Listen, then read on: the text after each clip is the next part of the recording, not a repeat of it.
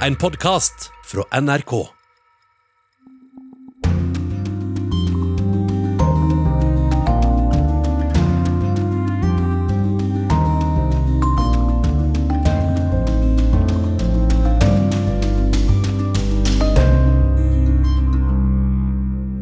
Russland advarer USA mot å fortsette å levere våpen til Ukraina.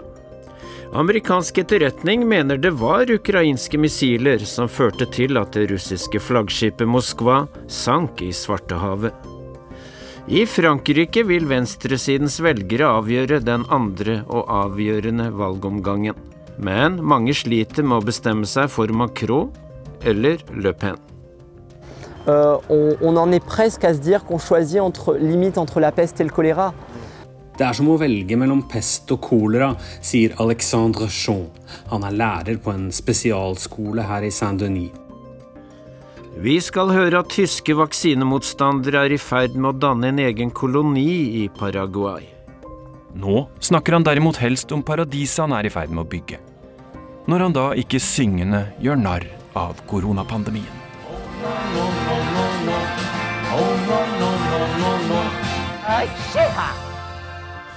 Og snart kommer en ny sesong av den danske spenningsserien Borgen. Tidligere statsminister og generalsekretær i Nato Anders Fogh Rasmussen roser serien. Noe av den er meget realistisk, altså spillet mellom USA, Russland og, og Kina og i hele det arktiske området er jo faktisk meget realistisk. Så den har alle de elementer, der skal til, for at den desværre, kan man også si, passer perfekt ind i den nuværende internationale ramme. Derfor er jeg ikke i tvivl om, at den nye sæson bliver en kanonsucces internationalt. Og vi skal få det siste om Partygate i Storbritannia. Og vi skal på sightseeing i Beijing i løpet av den neste timen. Ukens korrespondentbrev er postlagt i Florida denne gang. Vel møtt til Urix på lørdag påskeaften. Mitt navn er Dag Bredvei. Vi starter med krigen i Ukraina også i denne sendingen. Det siste døgnet er det meldt om flyalarmer i flere byer over hele Ukraina og kraftige eksplosjoner flere steder. BBC melder at Russlands ambassade i Washington har levert et notat med advarsler til USA. Og korrespondent Jan Espen Kruse i Moskva, hva går advarslene ut på? Ja, eh, Russiske myndigheter de advarer mot at USA forsyner Ukraina med det de kaller sensitive våpen. Det betyr høyst sannsynlig eh, tyngre våpen.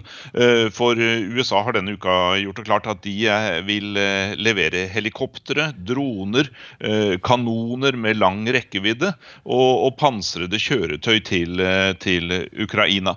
Og, og, russiske myndigheter de sier at hvis disse leveransene fortsetter, så vil det få uforholdsmessig uforutsigbare konsekvenser eh, for denne konflikten, uten at eh, det blir presisert hva, hva disse konsekvensene går ut på. Eh, men de sier at det vil forverre situasjonen. Så det virker som om Russland frykter en utvikling med, hvor det kommer mer tyngre våpen inn til Ukraina, og, og at det kan endre eh, gangen i denne krigen. For tidligere har jo eh, forsyningene fra vest mer gått på våpen raketter med kortere rekkevidde. Så det kan være snakk om en, en, ny, uh, en, en uh, ny, type, mye tyngre krigføring som ukrainerne da blir i stand til å føre. Eh, kan vi forvente at russiske styrker nå vil gjøre mer for å stanse våpenleveransene med makt? Ja, det er høyst sannsynlig. Uh, russiske myndigheter vil nok uh, gjøre det de kan for å angripe disse våpenforsyningene så snart uh, de kommer over grensa til Ukraina. russiske myndigheter har sagt at disse, disse, forsyningene, disse transportene, er legitime militære mål. men det er nok svært lite sannsynlig at, at russiske militære vil angripe disse transportene med mens de er underveis. De vil nok sannsynligvis vente til de kommer over grensene fra Nato-landene til, til, Ukraina. Men, men så, så, er det dette, denne advarselen da, om uforutsigbare konsekvenser. Man spekulerer jo i, i vest og i Ukraina hva som ligger i det. Og, og Ukrainere og amerikanske myndigheter har uttrykt bekymring, frykt for at Russland skal kunne ta i bruk atomvåpen i denne konflikten. Uh, så, så det, er, det er betydelig usikkerhet rundt den videre utviklingen.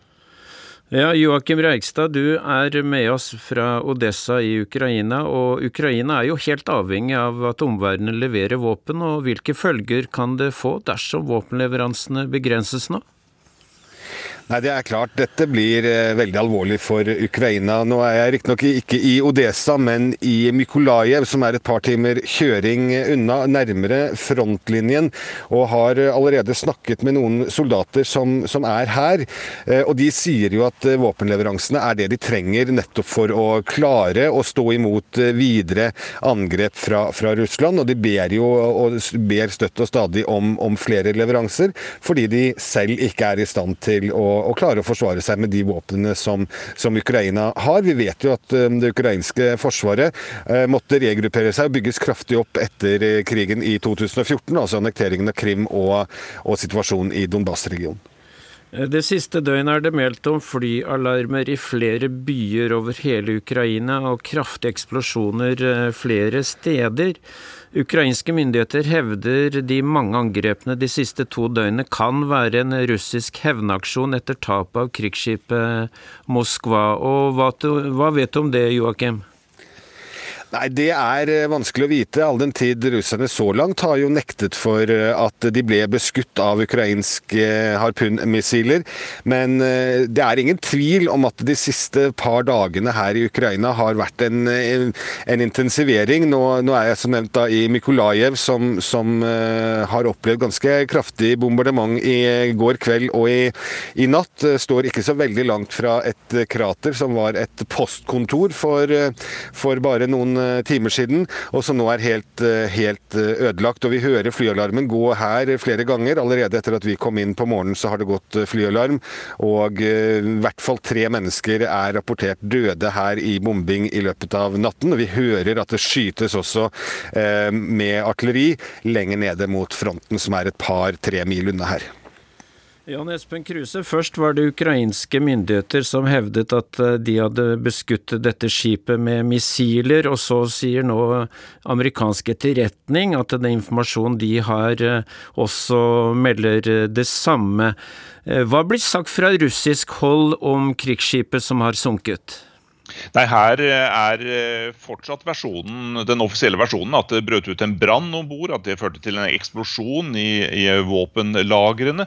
Og at eh, det ble omfattende skader på, på, skipet som førte til at det sank under slep i dårlig vær.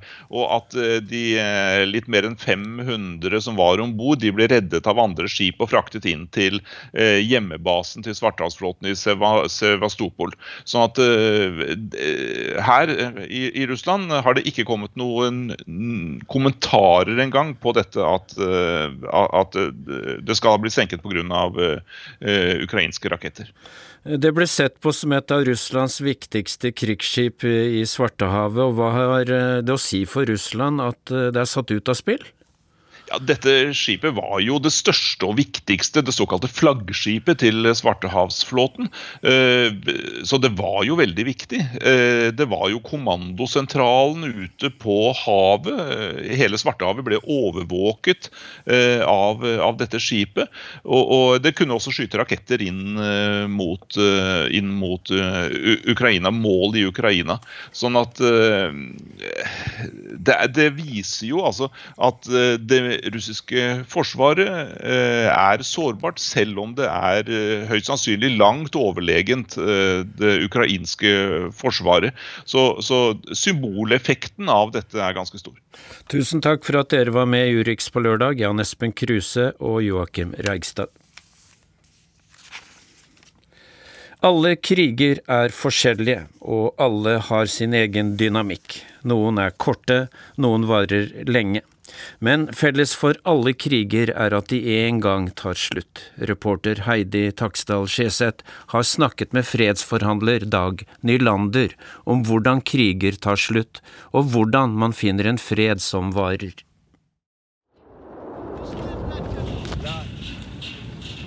I over sju uker har Russland bombet ukrainske byer. De sivile lidelsene er store, ingen vet hvor lenge de må vente på freden. Alle kriger tar slutt. Men hvordan? De fleste kriger tar jo slutt uh, gjennom forhandlinger, eller i alle fall som et resultat av en forståelse mellom de krigførende uh, partene. Det sier Dag Nylander, en av Norges mest erfarne fredsmeklere. Han er direktør ved Noref, Senter for internasjonal konfliktløsning. Noen uh, kriger og konflikter slutter jo med en Eh, våpenhvile som varer og varer og varer. Så det er ulike måter å forhandle og ulike innhold i en fremforhandlet uh, avtale. En avtale må være balansert for at freden skal holde, sier Nylander. Etter første verdenskrig gikk det galt.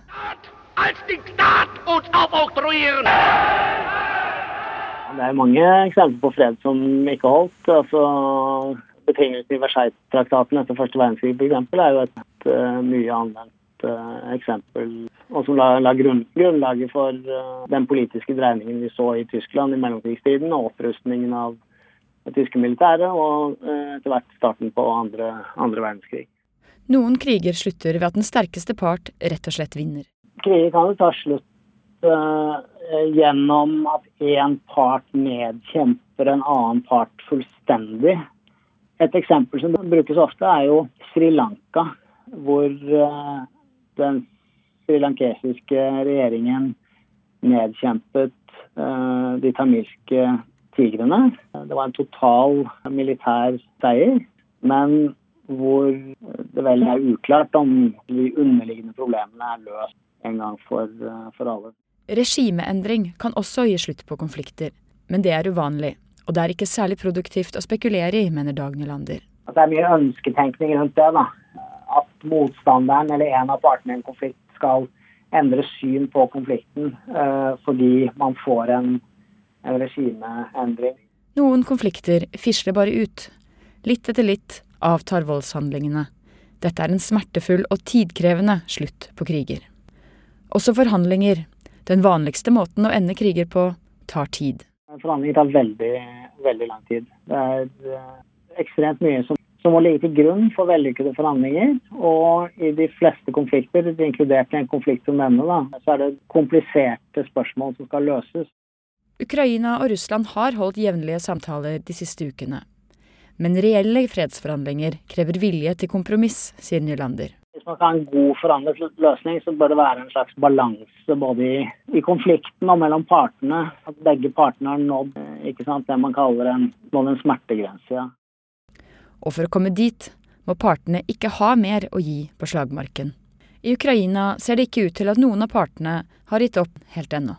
Hvis man analyserer begge partene, så er det mye som tyder på at begge parter mener de har mer igjen uh, mer, mer, å slåss for før de, før de, er villige til å sette seg ned ved, ved forhandlingsbordet og, og, gå gjennom reelle forhandlinger. Det virker dessverre som vi er et stykke unna en, en forhandlet løsning og en, og en rask avslutning av, av konflikten.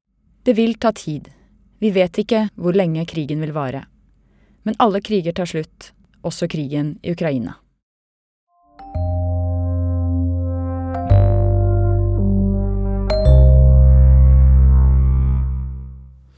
I løpet av pandemien har rundt 2000 tyskere, sveitsere og østerrikere emigrert til Paraguay i Sør-Amerika. I et av landets fattigste områder har de etablert en tysktalende koloni de kaller Det grønne paradiset.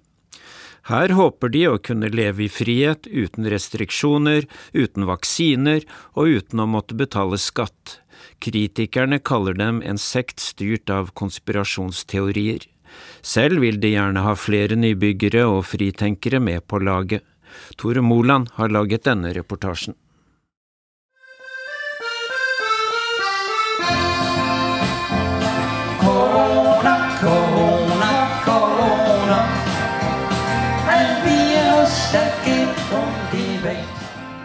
Med gitar og trekkspill og med kompet på boks får koronapandemien gjennomgå i ei tysk nidvise. Men vi er langt ute på det paddeflate bondelandet i Paraguay.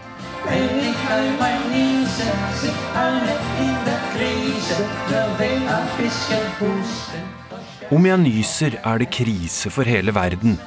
Og mer penger i lomma til Bill Gates, synger Ervin Annau med et smil. Han mener korona er iscenesatt av noen få for å ødelegge helsa, levebrødet og lykken til nesten alle andre. Hallo, liebe El Paris Verde-fans. Heute ist ein ganz besonderer Tag im El Paris Verde. Og her har han skapt sin alternative verden. El Paraiso Verde, det grønne paradiset, kalles kolonien Ervin og kona Sylvia har bygd opp i delstaten Casapa i Paraguay. Nybyggerne har sin egen nettside og sin egen Instagram-konto, der de reklamerer med at de er en trygg havn mot sosialistiske trender, økonomisk og politisk uro, vaksinekrav, munnbindpåbud, 5G-stråling og kjemikaliespor. En esta comunidad cerrada en el sur de Paraguay, un puñado de europeos ha encontrado un refugio donde se sienten cómodos. Spanskspråklige, tyskspråklige og engelskspråklige nyhetsmedier har alle sammen stått i kø for å komme inn og se hva som foregår i det grønne paradiset. Men nybyggerne er ikke så villige til å snakke med mainstream media. Men til El Paraiso Verdes egen YouTube-kanal forteller de villig vekk. Also für mich, ich hatte überhaupt kein Freiheitsgefühl mehr und vor allem für meine Kinder. Es war so, wir hatten auch einen Bekannten, der hat das Kind dann direkt aus dem Krankenhaus äh, gelähmt zurückbekommen, behindert nach der Impfung. Und wir wussten, wir müssen nicht nur uns, sondern auch unser Kind schützen. Da meslingvaksina ble påbudt i Tyskland, hadde vi venner som fikk hjem barnet sitt med lammelser og med alvorlig handikap. Da visste vi at vi måtte gjøre noe for å beskytte ikke bare oss sjøl, men også barna våre, sier en tysk familiefar. Und hatten eigentlich schon die Entscheidung getroffen, herzukommen, weil ich bin deutscher Heilpraktiker und habe erkannt, dass das keine Zukunft hat und habe nach Alternativen gesucht. Ich war in Ungarn, ich habe mir Kontakte nach Russland, nach Det var vanskelig for meg å bedrive min form for alternativ medisin i Tyskland, forteller Ove Kremer fra Köln. Han har vurdert å slå seg ned i både Russland, Ungarn og Tyrkia tidligere. Men nå driver han sitt eget lille naturlegekontor i El Paraiso Verde i Paraguay. Foreløpig bor det noen få hundre mennesker i nybyggerkolonien. Men de reklamerer med at de skal ha plass til 20 000 om ikke så lenge. Det største urbaniserings- og nybyggingsprosjektet i hele Sør-Amerika, heter det på prosjektets egen hjemmeside. Og en stor arbeidsgiver i en fattig region har de også blitt på kort tid. Uno de ellos le, le demandó por estafa. Uno de los que vinieron. Y si todo le, esa suma le da 1.300 millones. Men de lokale helsemyndighetene ser med en viss skepsis på nybyggere som ikke kan snakke spansk, og ikke vil følge smitteverntiltak. Dessuten har Paraguay en lang og dyster historie med immigrantkolonier med ideologi som drivkraft. Den kanskje mest berykta var Det nye Germania, som ble etablert av tyske nasjonalister på slutten av 1800-tallet. De hadde ideer om å skape en arisk drømmeverden, langt unna all jødisk innflytelse. Og uten at vi skal trekke så altfor tydelige historiske linjer, har dagens nybyggerleder snakka mye om behovet for å beskytte det tyske folk mot islam.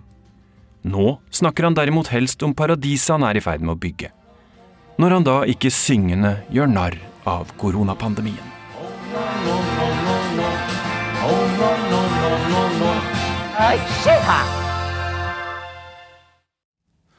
Nå Frankrike. Søndag 10. april ble første runde av presidentvalget i Frankrike gjennomført. Siste og avgjørende valgomgang er søndag 24. april. Det står mellom sittende president Emmanuel Macron og utfordrer Marine Le Pen. Europakorrespondent Simen Ekern, du kom tilbake fra Paris til din base i Brussel i går, og snart er du tilbake i den franske hovedstaden for å dekke andre valgomgang for oss. Og hvem er det som gjør det best nå i valgkampen, Simen? Det har ikke flyttet seg så veldig mye på meningsmålingene siden andre runde valgkampen startet. Emmanuel Macron ligger fortsatt et par-tre eh, prosentpoeng over, og, og, og ligger eh, an til å vinne, kanskje. Men veldig mye, kanskje. Ja, det har foreløpig ikke skjedd noe i valgkampen som har flytta veldig mange velgere. Eh, hvorfor er Emmanuel Macron så sterkt mislikt blant enkelte velgergrupper i Frankrike nå? Ja, Det ser man jo eh, virkelig tydelig eh, når man snakker med folk. Det er mange som ikke liker Marine Le Pen på venstresiden. Tradisjonelt har det jo vært sånn at hun har vakt voldsom motstand, men nå er det nesten sånn at den eh, irritasjonen og eh, misnøyen mange har følt etter år med Macron ved makten, har gjort at man eh, nesten ser på han som en enda mer splittende figur. Og det handler jo om at han blir sett på som arrogant, og at han ikke tar hensyn til vanlige folk, og da særlig vanlige folk folk med dårlig råd. At han er de rikes president, blir det sagt ofte. Eh, Simen, du faller ut litt, så vi, vi, tar en liten prat med deg etter det innslaget du har laget. Eh, du har sendt oss en sak om venstresidens velgere. De kan bli avgjørende om deres stemmer havner hos Macron eller Le Pen, men mange sliter med å bestemme seg for om de skal lande på Macron eller Le Pen. Vi er rett utenfor Paris i Saint-Denis, Frankrikes fattigste område. Ved det franske presidentvalgets første runde sist søndag stemte halvparten av innbyggerne her på ytre venstre-kandidaten Jean-Luc Mélenchon. Han gjorde et godt valg på landsbasis også.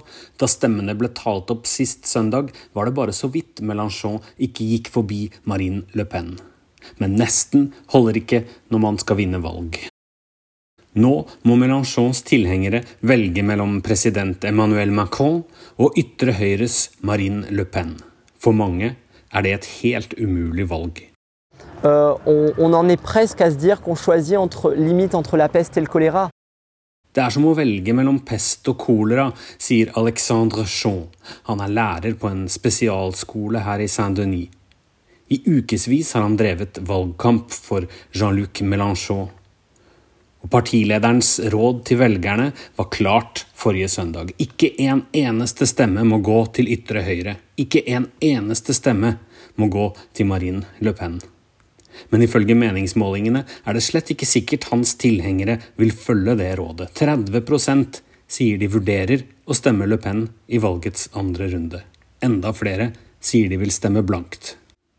La colère d'un président qui a raté son mandat qui a raté son rendez-vous avec le peuple. Venstresidevelgerne som stemmer Le Pen i andre runde, er sinte, sier Alexandre Shaw. Sinte på en president som har misbrukt sitt mandat, misbrukt sjansen til å være folkets president. Et aujourd'hui, c'est difficile pour lui euh, Etter at Emmanuel Macron ble president, har han dratt landet stadig lenger til høyre, forteller valgforsker og professor i statsvitenskap Jean-Yves Dormagen. Ved å gå mot høyre har han vunnet en stor del av den tradisjonelle høyresiden, men det er en pris for dette, han har fjernet seg fra mange på venstresiden som stemte på ham sist. I dag er det vanskelig for ham å nå fram igjen til velgere på venstresiden som virkelig misliker ham sterkt, sier professoren. På gata i Saint-Ouen, litt sør for der vi møtte Alexandre, er Asia og Besema ikke i tvil. Jeg stemte Mélenchon i første runde, nå blir det Macron, sier Asia. Vous, vous allez voter Macron? Oui, Macron. Avant, j'ai payé, j'ai, la, la, la, première, j'ai voté Mélenchon, maintenant c'est Macron. Et vous aimez ça? Vous aimez Macron ou euh... On l'aime pas, mais on n'a pas son programme. Il est avec les riches, il faut dire la vérité. Mais on ne peut pas choisir Madame Le Pen. Vi liker ham ikke, vi liker ikke programmet hans. Han er på de rikes side, det er sannheten.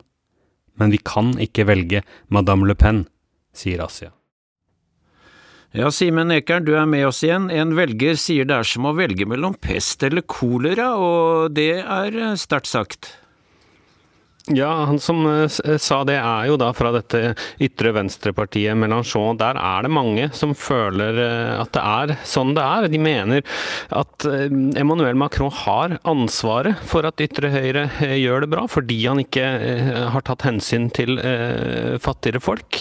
Og, dermed så er det også en del i det partiet, ikke alle på noen måte, men en del som, som nærmest ser at det ville være bedre med, med Le Pen, så man kunne få en stor venstrefront front mot eh, henne i det neste valget. Men dette er eh, selvfølgelig for mange andre på venstresiden svært farlige tanker. Så det er en intens debatt innad som, som kan ende med at ganske mange stemmer blankt, i stedet for å, å velge noen av de to kandidatene nå i andre runde. Ja, Andre runde blir altså ikke denne søndagen, men neste søndag, 24. april, og det er ingen som kan ta for gitt at Macron blir gjenvalgt da. Nei, eh, det er ikke det. Jeg snakket med en meningsmåler eh, nå i, i forgårs i Paris, og han sier han tror at Macron klarer det, men bare så vidt. Og det er vel eh, signalene man får fra mange steder. Det kan gå for Macron, men det kommer til å bli tett. Og det kan også skje ting i innspurten av valgkampen som kan endre dette. Det har vi jo sett tidligere i, i, i franske valg. Tusen takk skal du ha, Simen Ekern, med oss direkte fra Brussel. En av sakene i den franske valgkampen dreier seg om hvordan eldre mennesker blir behandlet. Det har vært flere skandaler knyttet til sykehjem og eldresentre, blant annet om at eldre får for lite mat og at de blir behandlet på nedverdigende måte. Flere sykehjem er nå politianmeldt. Reporter Johan Tolgert har sendt oss denne reportasjen fra Paris. Alors, alors, Il a perdu 20 kilos dans cet EHPAD. Her er et foto. Pappa gikk ned 20 kilo i vikt på sykehjemmet, sier 64-årige sykepleieren Sylvie Bardell. Hun beretter at all mat pappaen fikk på sykehjemmet, var rasjonert og utregnet i gram. Pappa, je lui amené des gâteaux. Il avait faim. Sylvie fikk daglig kjøpe ekstra mat til pappaen, som stendig gikk med hungrig mage. Påskemåltiden skulle bli festlig forrige året, med tradisjonell løksuppe gratinerad med ost. Men krutongene skulle koste for mye, så de strøk sjefen. Pappa betalte nærmere 35 000 kroner i måneden. En jättesumma med tanke på at en fransk pensjonist i gjennomsnitt får 12 000 kroner i måneden. Da mannen sparat penger i hele sitt liv, kunne han betale. Alors, euh, papa payait 3493 euros. Sylvie Bardell bjuder på kaffe i hemmet i Lagny øster om Paris. I Frankrike er det vanlig at eldre havner på aldershjem. Det finnes over 7200 stykken. En majoritet av dem er private. På pappas sykehjem vil man tjene penger på de gamle, sier hun irritert. Il faut faire des, des bénéfices et du fric sur le dos des personnes âgées. Nesten hver dag når Sylvie kom på besøk, var pappans bleie bløt av urin. En gang var Sylvie så forbasket at hun slengte den rakt på sjefens skrivbord. Pappa stank, forteller hun. Euh, je l'ai posé sur le bureau du directeur. Chefen låtsades bli förskräckt, men ingenting förbättrades, berättar hon. Sylvie Bardell säger att pappan i alla fall tyckte om sällskap av de andra på psykehemmet. Där fanns även en och annan kompetent psykeplayer. Allt var inte dåligt. Men efter bara ett år på hemmet avled pappan av förstoppelse. Hade personalen sendt honom snabbt till doktorn hade jag kanske kunnat besöka pappa även denna påsken. Men ingen brydde seg riktig om hans hälsa, sier Sylvie Bardell med tårer i ögonen. Et ça a été signalé, mais ils n'ont rien fait. C'était trop tard. På vissa konserner har man tappat upp till 50% på börsen i och med skandalen. Men på koncernerna vill man inte erkänna bristerna. Det rör sig om falska anklagelser. Vi sparar inte på det gamla, menar Philippe Charrier, chef på psykehjemskoncernen Orpea och som finns i 23 länder. Presidentkandidaterna Emmanuel Macron og Marine Le Pen gir nå valløften om økede kontroller på eldreboendene samt krav om å anstelle mer personal. Hei, Kjerstin. Hei, hei, hei. 78-åriga Kerstin Emanuelsson har valt att bo på alternativa pensionistkollektivet Baba Yaga i Montreuil öster om Paris. Kerstin kommer från Hagfors i Värmland och har arbetat som landmåler i Frankrike sedan 1960-talet. Hur många är det som bor här? Det är 24 lägenheter. I en lägenhet de, de har eh, två barn. Annars är det, är det bara fruntimmer. Pensjonistkollektivet Pensionistkollektivet är öppet för kvinnor över 60 år som kan handla, laga mat, tvätta och duscha själva. Här finns inga psykeplejer. Här, her er det hos meg. Vi skal se hva soligt det er. Solen fløder inn i Kjerstins 37 kvadratmeter lilla leilighet på sjette våningen. Her fins et kjøkken, daglig stue, sovrum og badrum. Hun betalar bare 3 200 da kommunen eier huset og gir subventioner. De boende støtter og hjelper varann ved behov. Det är en sån där soffa jag kan dra ut så jag kan ha mina barnbarn och så där. Man kan sova där ja. Det kan ligga över det va. Mm. Ja, nu till påsk kommer barnen på besök, berättar Kerstin Emanuelsson med ett leende när vi gått ut i pensionistkollektivets lilla trädgård. Jag tycker att det här är en, en guldkant förstår du, när man kommer i pension.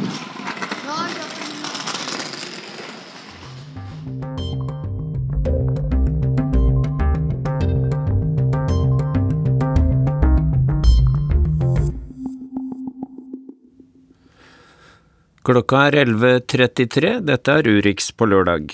Den danske TV-serien Borgen, som kom på skjermen i 2010, har med årene blitt en internasjonal suksess. For det skandinaviske politiske spillet skildret i serien bergtar stadig seere verden rundt, nysgjerrige på alt fra likestilling til våre demokratiske velferdsmodeller. Ti år senere henter nå manusforfatter Adam Price karakteren Birgitte Nyborg frem igjen, og kaster Danmark inn i et storpolitisk spill når det blir funnet olje på Grønland. Men hvordan skriver man troverdig drama i en tid der virkeligheten synes å overgå fiksjonen? Kollega Charlotte Bergløf tok turen til København. De har funnet olje i Grønland. Er det noe vi er glad for? Nei, det kan bli et kæmpe problem. Du er ikke statsminister lenger, Birgitte. Når vi møter Birgitte Nyborg igjen i Borgen, ti år siden sist, er hun ikke lenger statsminister, men utenriksminister med en yngre kvinnelig sjef. Du skal orientere din sjef, forstår du det? Det er duket for maktkamp på flere fronter når serien denne gangen tar oss til Grønland, der forholdet mellom Danmark og deres gamle koloni utfordres av mulighetene for ny rikdom.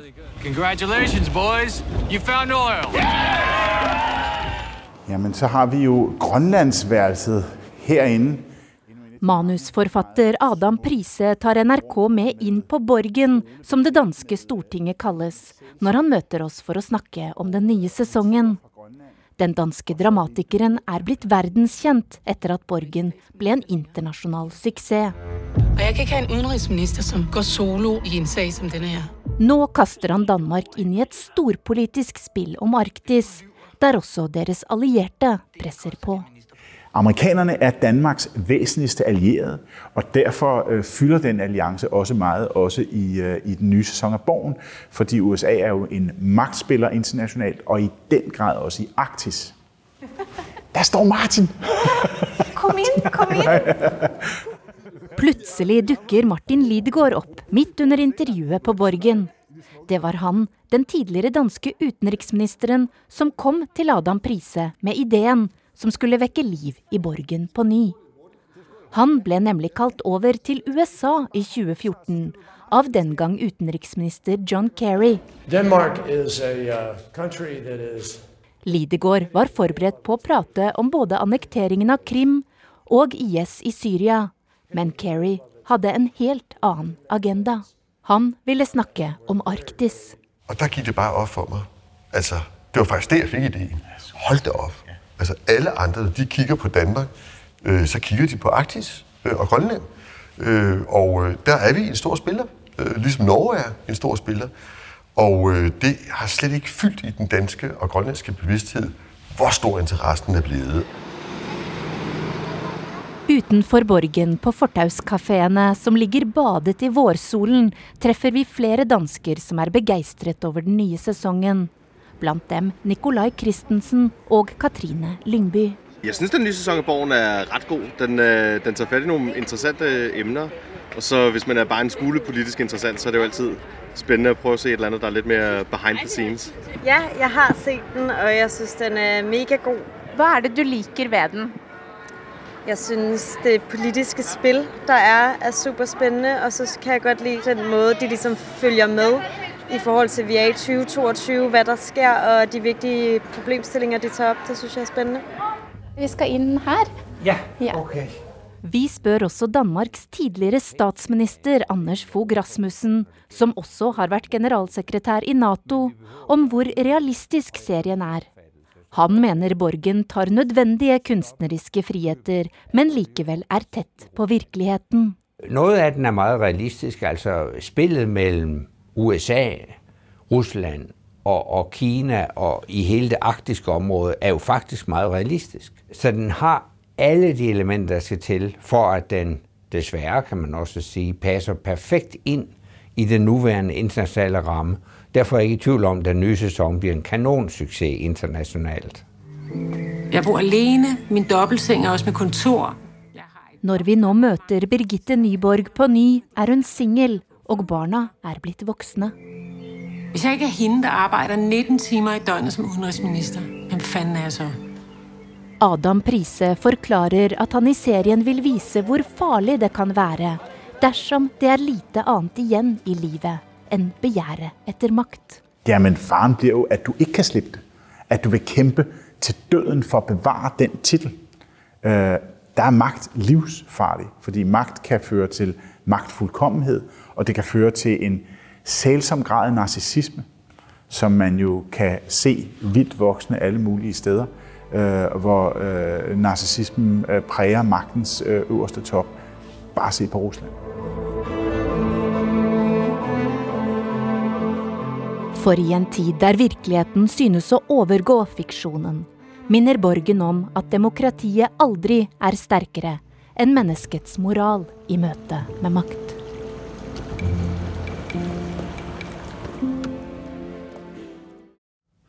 Reporter i København, Charlotte Bergløff, og du kan få vite mer om TV-serien Borgen ved å gå inn på nrk.no.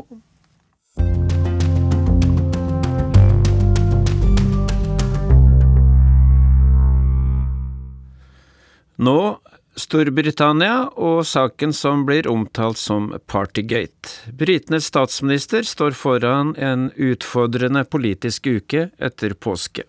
Da skal Boris Johnson prøve å overbevise parlamentet om at han ikke løy da han sa at alle koronaregler ble fulgt i Downing Street. Tirsdag denne uka fikk han og finansministeren begge bot for å ha brutt reglene. Og korrespondent i London, Gry Blekastad Almås, hva er det som står på spill for statsministeren nå? Hans politiske karriere. Hvis han klarer å overbevise parlamentet om at han sa det han sa i god tro, så slipper han trolig å bli gransket for brudd på parlamentets regler. Men hvis det slås fast at han har ført parlamentet bak lyset, så kan det føre til at han må gå av.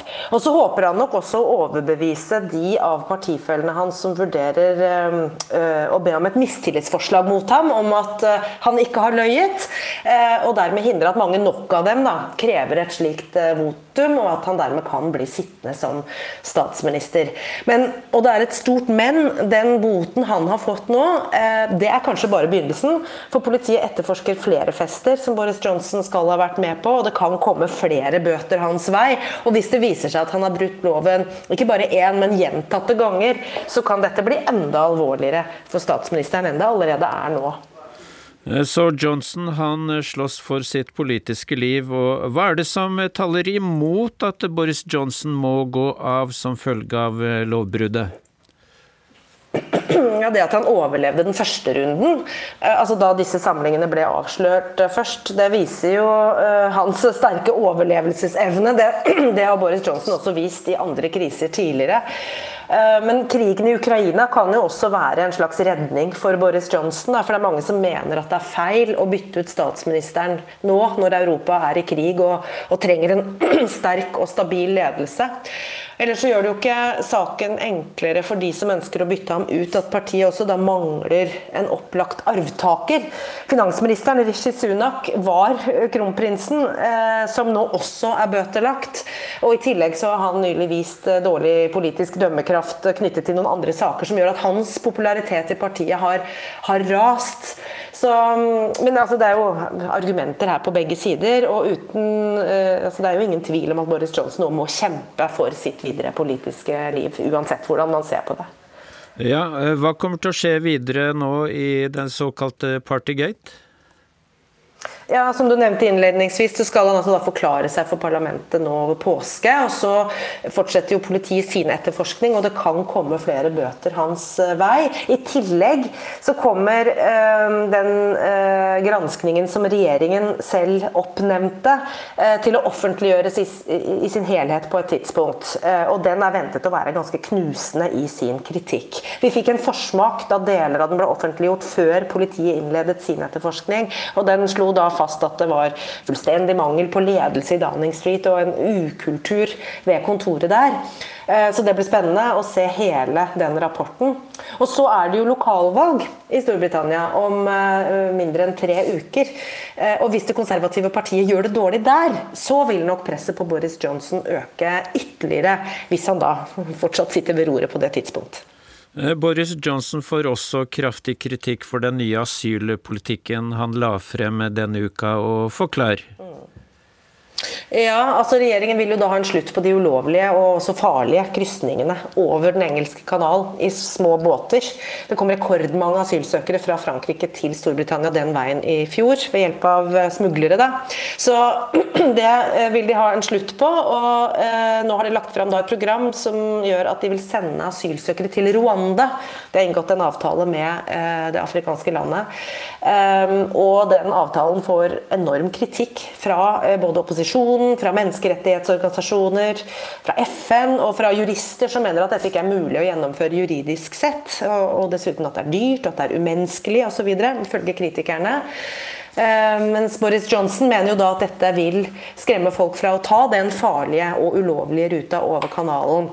Eh, og at de som har krav på asyl, skal få det, men da i Rwanda. Tusen takk skal du ha, Gry Blekastad Almås direkte med fra London.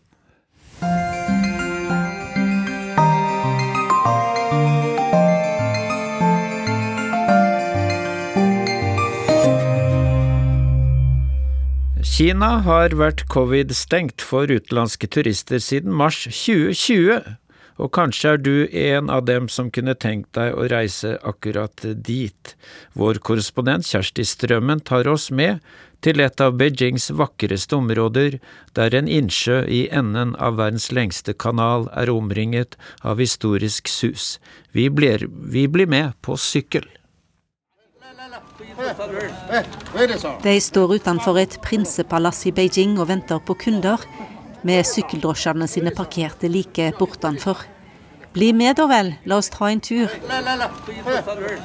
De tilbyr å kjøre oss rundt i alleene rundt Shichahai, som er ei perle i Beijing. Vi har allerede avtale med en slik sjåfør. Han introduserer seg. Ah, 我那个来自河南，啊，我的名字叫王平安。 han forteller at han heter Wang Pingan og kommer fra Henan-provinsen. Det lover godt at navnet hans betyr 'kongen av trygghet'. Wang elsker jobben sin. Hver dag sykler han rundt med turister på slep i drosjen, så han får god trim, og han får bli kjent med folk fra andre steder i verden. Covid har mer enn halvert inntekter, men han holder motet oppe. 啊，对，疫情对这个旅游业影响很大的。Shuchahai er den nordlige endestasjonen til verdens lengste kanal. Denne historiske vannveien strekker seg nesten 1800 km gjennom flere byer helt ned til Hangzhou. Den eldste delen ble bygd 400 år før felles tid. Ah, 这就是什刹海的前海，前海、后海、西海。 Området er vakkert til alle årstider. Nå henger det grønne spirer som svever over vannet. Det blømmer med magnolia og kirsebærtre. Jobben til Wang gjør at han får boltra seg i kinesisk historie. Dette området er som ei historiebok, med uendelig mange kapitler om maktkamp, kjærleik og svik. Han tar oss med til et kinesisk palass, der den siste keiseren Puyi ble født i 1906.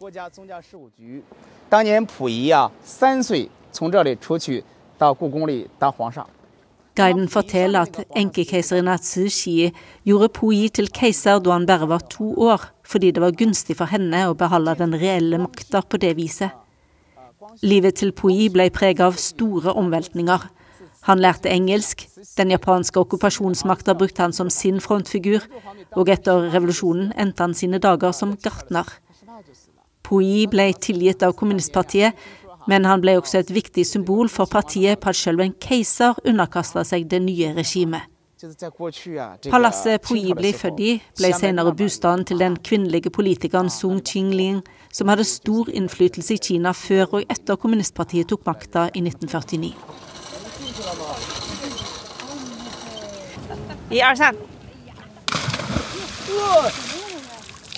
Våren er altså kommet til Beijing, men det er bare hardhausene som hopper i.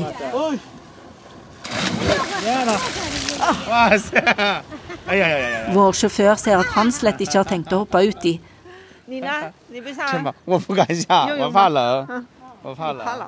Han liker seg best på land. Hello.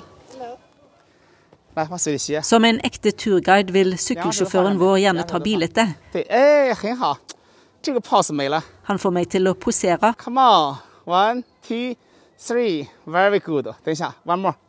Slik kineserne kan best.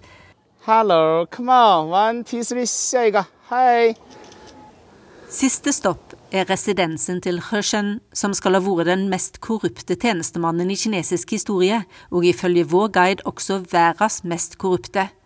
He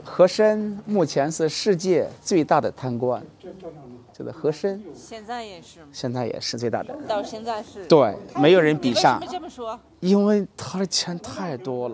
Hershen var yndlingen til keiser Qianlong og brukte sin posisjon til å få så mye jordlig gods at han skal ha hatt gullbarer i veggene. Det endte ikke godt. Den neste keiseren tvang han til å henge seg sjøl, og med det dramatiske kapitlet er vår ferd til endes. Takk for turen. Ha.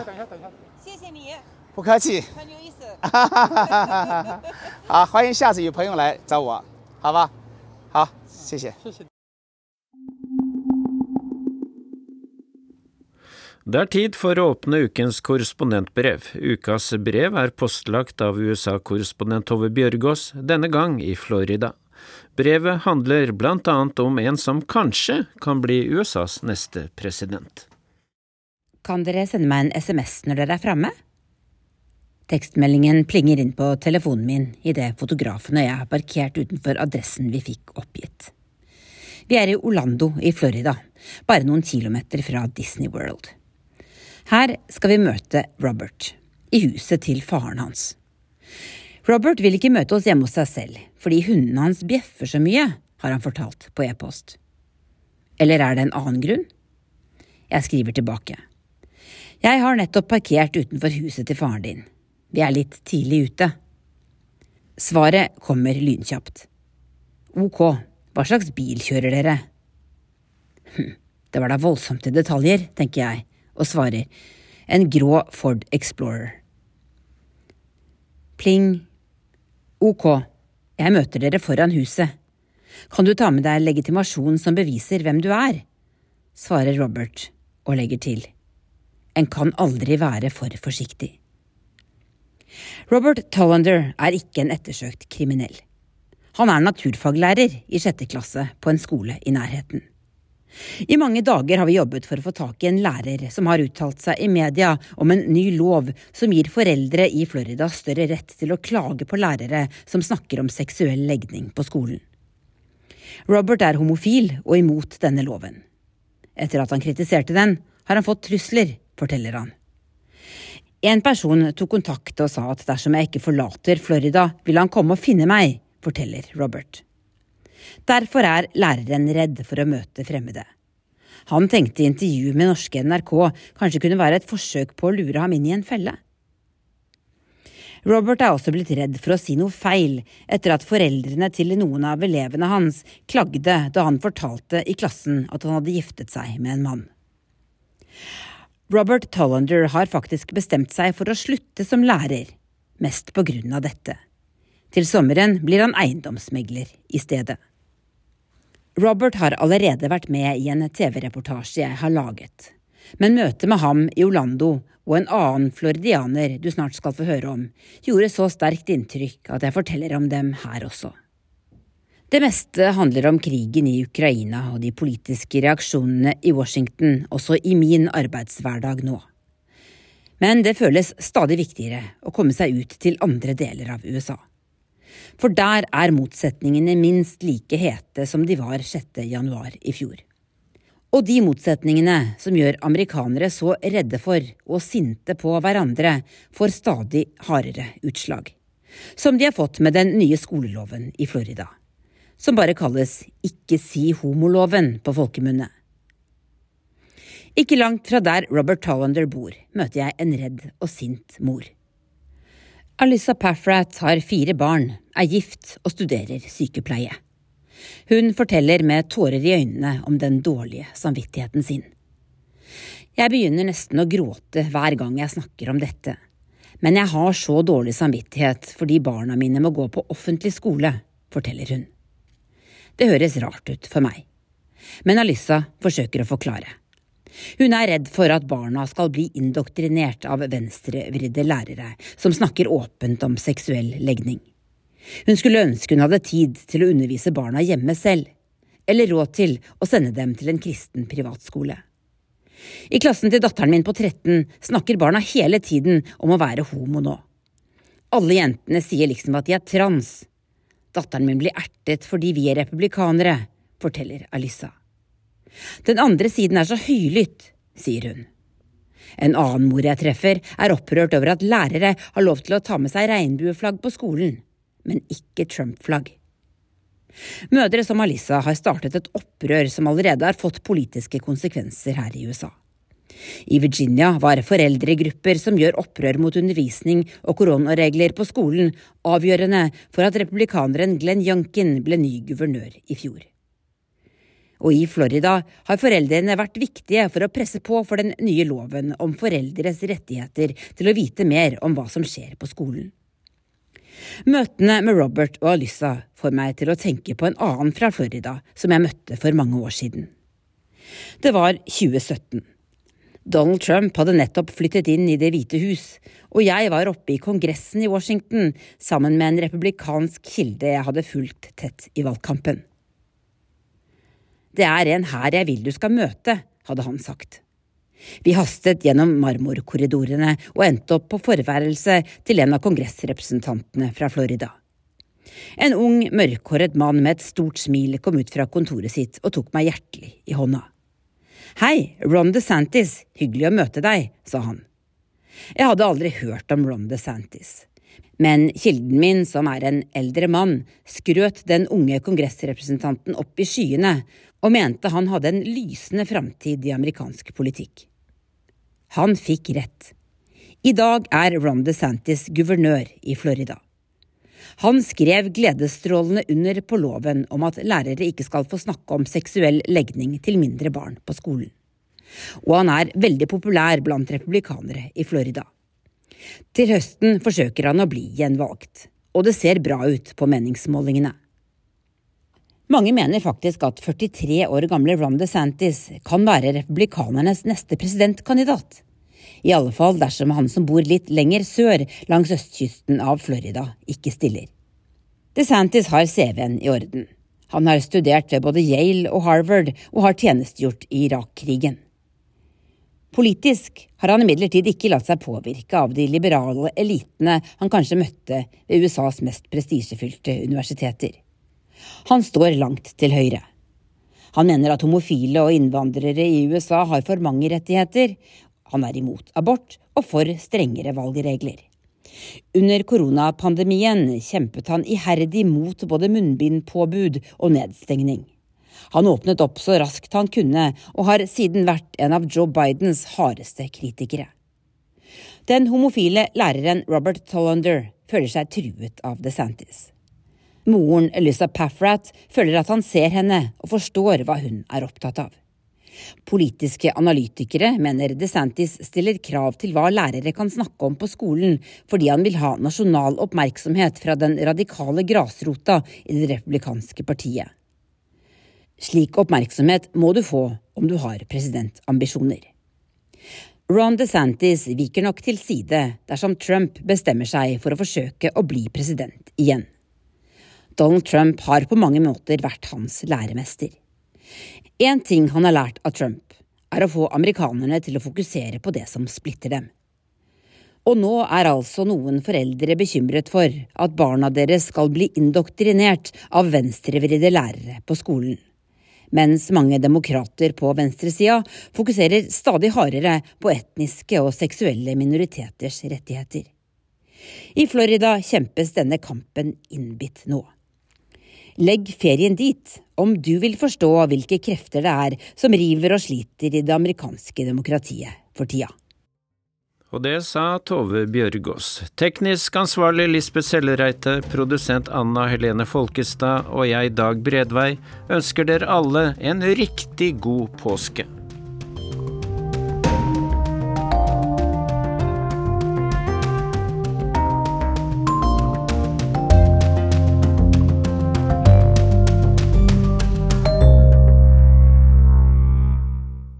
Du har hørt en podkast fra NRK. Hør flere podkaster og din favorittkanal i appen NRK Radio.